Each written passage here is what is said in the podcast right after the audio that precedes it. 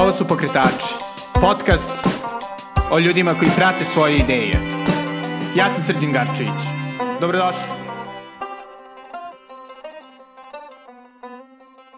Ćao svima, dobrodošli u još jednu epizodu Pokretača. Tadašnju gošću, Majdu Sikošek, sam upoznao dok sam razgledao izložbu secesija, Sloboda stvaranja, u muzeju Jovana Cvijića u Beogradu. Tokom našeg razgovora sam ubrzo shvatio da je Majda pokretačica ne samo ove izuzetne izložbe za ljubitelje secesije, već i mnogo toga više.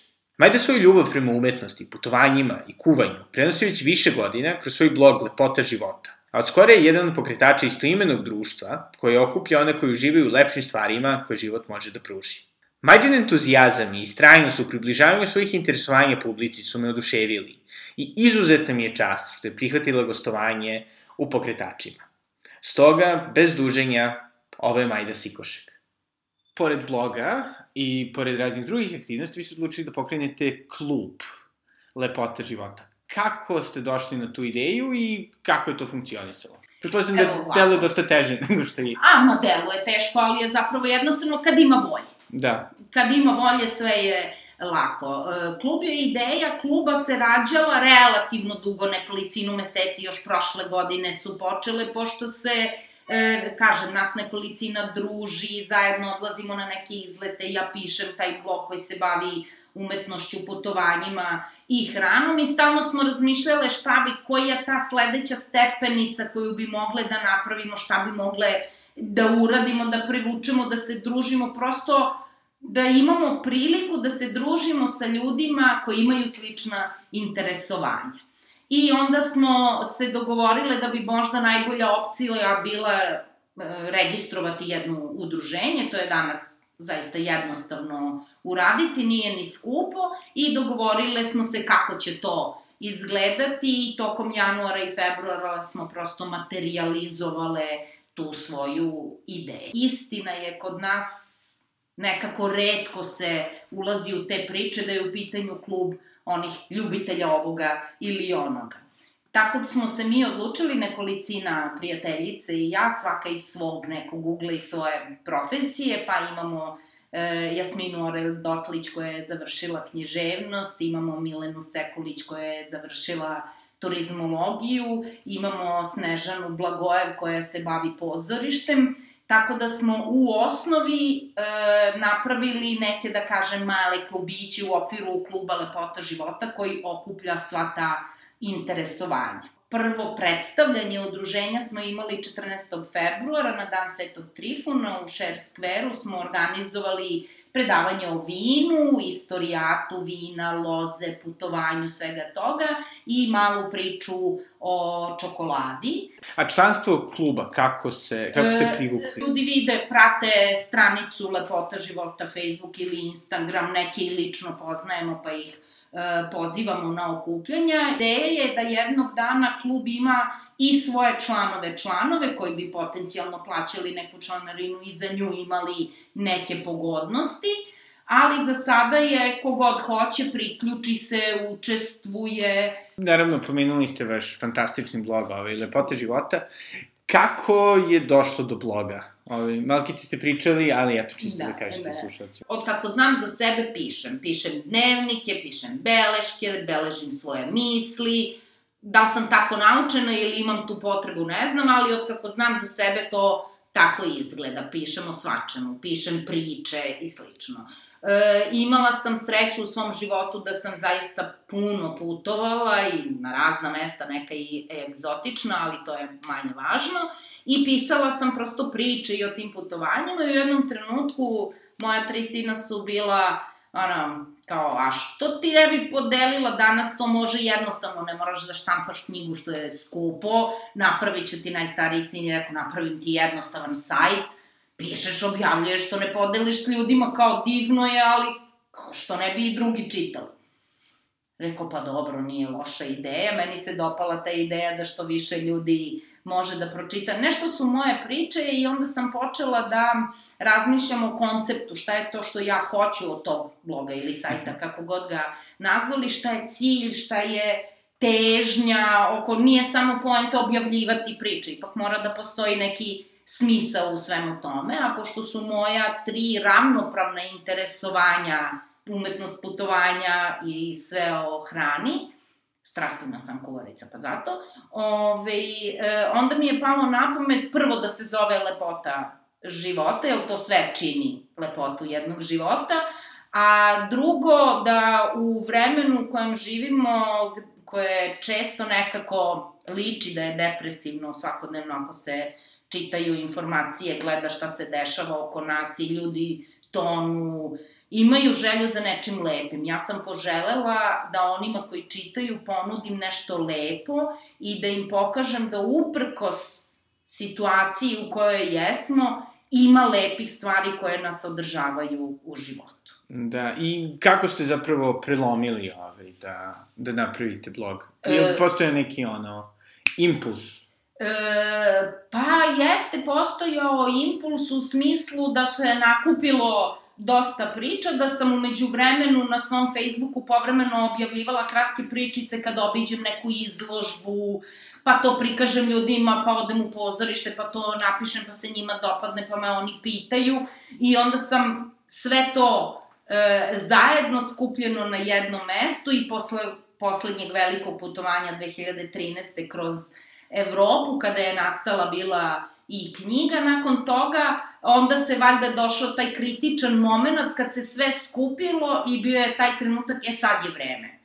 Mhm. Polazimo i ta ideja, sećam se da je bila izložba e, vajara Dušana Jovanovića, jednog e, vajara s početka 20. veka i onda je to bila nekako prva priča koju sam, imala sam potrebu da je da je napišem i da je objavim i onda je sin rekao, sačekaj, nemoj da pišeš priču za Facebook, evo pravimo sajt i tako je krenuo. Da, super, znači ono, imali ste prilično puno ovaj, podrške svakako da, od najbližih. Da, da, da, da. Je li bilo ljudi koji su vas pitali, pošto ja sam imao slično iskustvo, da, da, da. kao, a čemu to, kao, ko će to da... Pa, e, moram priznati da nije, valjda teme koje sam ja odabrala su se svima učinile kao dosta interesantne, pitali su me ljudi do duše kad sam počela, kad je već trajalo neko vreme, a kao šta se s tim dešava, jel ti kao zarađuješ neke pare od toga, ali kao, da. jel to neka ideja?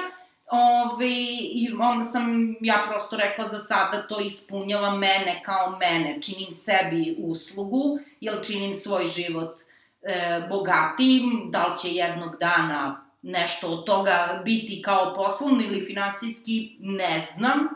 Nisam spretna u tome. ne znam kako to tačno funkcioniše i nije mi e, ni bitno, prosto, prosto zadovoljavam svoju potrebu da delim lepe stvari. Da, ali ono što je zapravo interesantno, što je, pretpostavljam, krunisano nekako sa toga kluba je to zato što mi deluje da ste tim blogom dosta privukli uh, određenu grupu ljudi koje te stvari zanimaju, kojima realno u našoj zemlji, čak i našem gradu, baš nema pun dovoljno sadržaja. Blog je bio e, negde inicijal da se osmisli klub, zato što sa dosta ljudi sam uspostavila i ličnu komunikaciju. Oni su čitali blog, pa su se javljali, pa im se dopada, pa ja preporučim neku izložbu ili e, preporučim, opišem ono što sam ja videla i bila, oni mi se jave, ja bili smo, posetili smo, divno je, tako da je postojao taj neki krug ljudi koji je stvorio to neko interesovanje i dopadalo im se to što čitaju i oni su negde i osnova, odnosno početni, početna grupa samog kluba. Da, a i koliko vremena otprilike provodite pišući blog? E, kako kad, neke, sad u poslednje vreme malo manje pišem blog zato što se bavim ovom e, izložbom. U principu, ja sam se trudila da bar jednom nedeljno izađe neki tekst, e sad to se razlikuje, neki put bude duži period između, neki put kraći, ali provedem, šta ja znam, nekolicinu sati zato što treba e, proučiti, ja čitam puno literature dok napišem e, jedan tekst i umeđu vremenu sam baš zbog bloga počela da učim fotografiju kod jedne fotografkinje i onda se malo treba i fotografisati, srediti, pripremiti, tako da kada imam nedeljni tekst, onda se provedem jedno dva dana intenzivno sa par sati, 3-4, zasigurno baveći se jednim tekstom. Jel vam je ikada nekako bilo teško i da ste bili, mislim, što se tiče bloga, i da ste odlučili kao, pa, kao, možda, ću da ovo ostavim? E, ne, ne, moram da priznam, ne, vrlo često mi je čak pomagalo da u trenucima kad se osjećam loše, odlučim da je baš taj trenutak vreme da napišem neku priču i onda uđem u priču o toj priči i to me izvadi iz onog stanja u kojem se e, nalazim. Da, je, da zna da bude teško jeste, naročito je važno da se održava intenzitet objavljivanja tekstova i onda to neki put onda budem, jel, ja sam ono, jel, i roditelj i supruga ima dosta posla i svakog drugog bavim se nekim prevođenjem, pa je neki put ono, ne znam šta bih pre i kud bih pre, ali opet nikad mi nije bilo ono, kao, e sad je bilo dosta zatvoran blog, ne mogu više Da. zamorno. I isto organizovali ste zapravo i izložbu. Da, e, onaj deo koji bi bio, da kažemo, klub umetnosti ili ljubitelja umetnosti, koji, evo, vodi moja malenkost kao istoričarka umetnosti, je u saradnji sa Muzejem grada organizovao izložbu Secesija sloboda stvaranja, a sve povodom Svetskog dana secesije 10. juna, koji se od 2012. godine u Evropi, u mnogim gradovima intenzivno obeležava, a ovo je prvi put da se u Beogradu zvanično, da jedna institucija zvanično obeležava taj dan. Šta zapravo vi smatrate da nekako najviše fali na srpskoj kulturnoj sceni? Nekako mi se na momente čini da fali energije, S jedne strane ima ih, povremeno se vidi puno angažmana, dosta se dešava, novih stvari, mladi ljudi, a s druge strane određeni deo scene nekako tavori. Mm, Fali prosto ajde, možda je prozaična reč, ali proaktivnost, e, želja da se sve mora nekako da funkcioniše i sve mora da opstaje. I ono što bismo nazvali starim, možda zastarelim načinima i ono što je novo i što je hip i što je moderno, tako da mora da postoji tu neki, neki balans. Nekako mislim da negde ljudi dižu ruke od toga i da se mnogo pravdaju kako je teško, kako nema, kako treba para, a u stvari negde više treba volje nego, nego para. Bar se Da. meni tako čini. Kako uopšte izgleda odlučiti se da napravite izložbu o secesiji u Beogradu? Ja, to je lako. Odlučiti se, to je mnogo lako. Realizovati, e, tu imamo problem. Mislim, bar je meni odlučiti se lako zato što ja stvarno imam, e, pošto sam od studentskih dana i pre e, iskreni poštovalac e, tog stila i poznavalac, me, da ne budem neskromna, ali među prvima sam počela tim stilom u istoriji umetnosti kod nas da se zaista tih 80. godina e, bavim. E, dakle, ja imam puno ideja, že, ja bi mogla i po idejama i željama bi mogla jednu izložbu dnevno da izbacim. Mislim, to je najmanji problem. E, odluka je takođe laka, hoću to da uradim. Da. I to je to, mislim, jednostavno. E sad, realizacija onda ima baš onako, nije jednostavno. Ja sam se odlučila da ponudim muzeju grada da to uradimo zajedničkim snagama.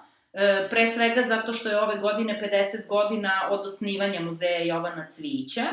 Oni su u okviru poslednje rekonstrukcije prošle godine muzeja i sređivanja otvorili galeriju Karst u podrumu muzeja, dakle prava prilika da se e, organizuje jedna ovakva izložba i pravo mesto, zato što je enterijer e, u unutrašnjosti Cevićevog muzeja radio Dragotin Hiostri Medenjak, otac dizajna i primenjene umetnosti u Srbiji, a radio ga je u nacionalnoj varijanti stila secesije, dakle sve su nekako sklopljene stvari da to bude pravo mesto.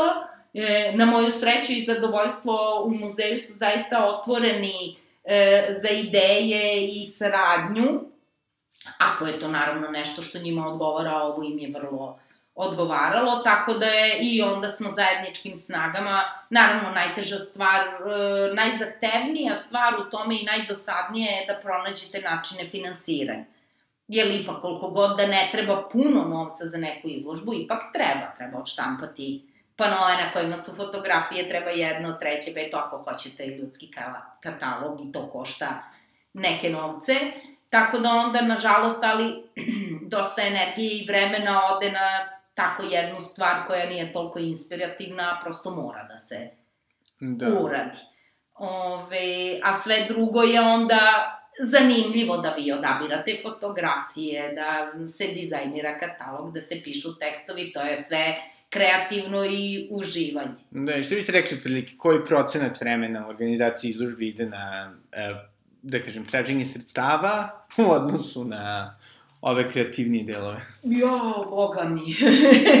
boga mi.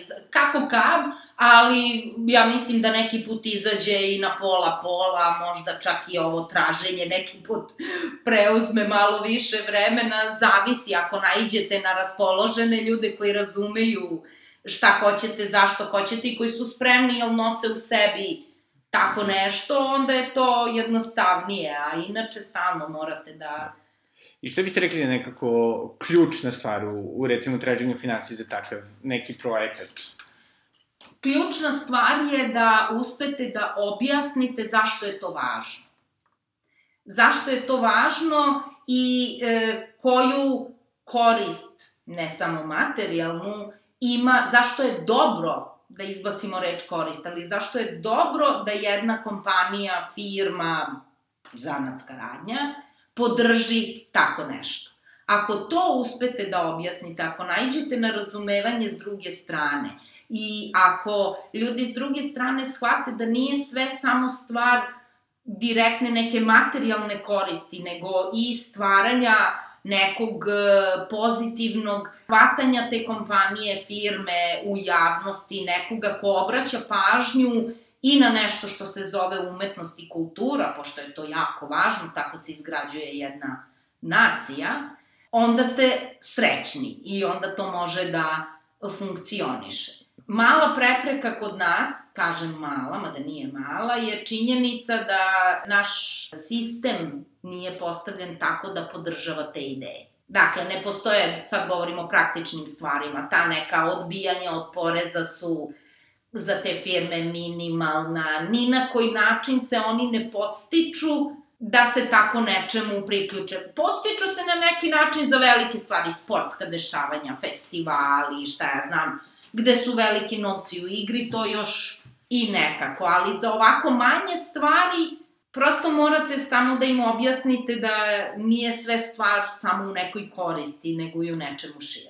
Da, jel biste rekli od svih ljudi kojima ste prišli da uglavnom imaju vremena makar da saslušaju za tu priču i pa ne interesovanje?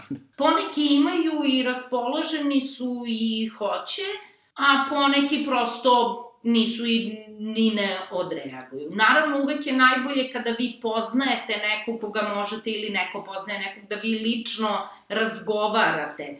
Najbolje je naravno uvek lični kontakt i sad sve to zavisi puno. Šta je zapravo u secesiji ono što vas toliko da kažem, drži zainteresovano? E, pre svega zato što je to prva revolucija umetnosti prave i korenite i obuhvatila je sve što se smatra umetnošću. Od knježevnosti, muzike, plesa, baleta, likovnih umetnosti, sve je obuhvatila. I zaista je po prvi put u istoriji nastalo nešto što je potpuno bilo različito od svega pre.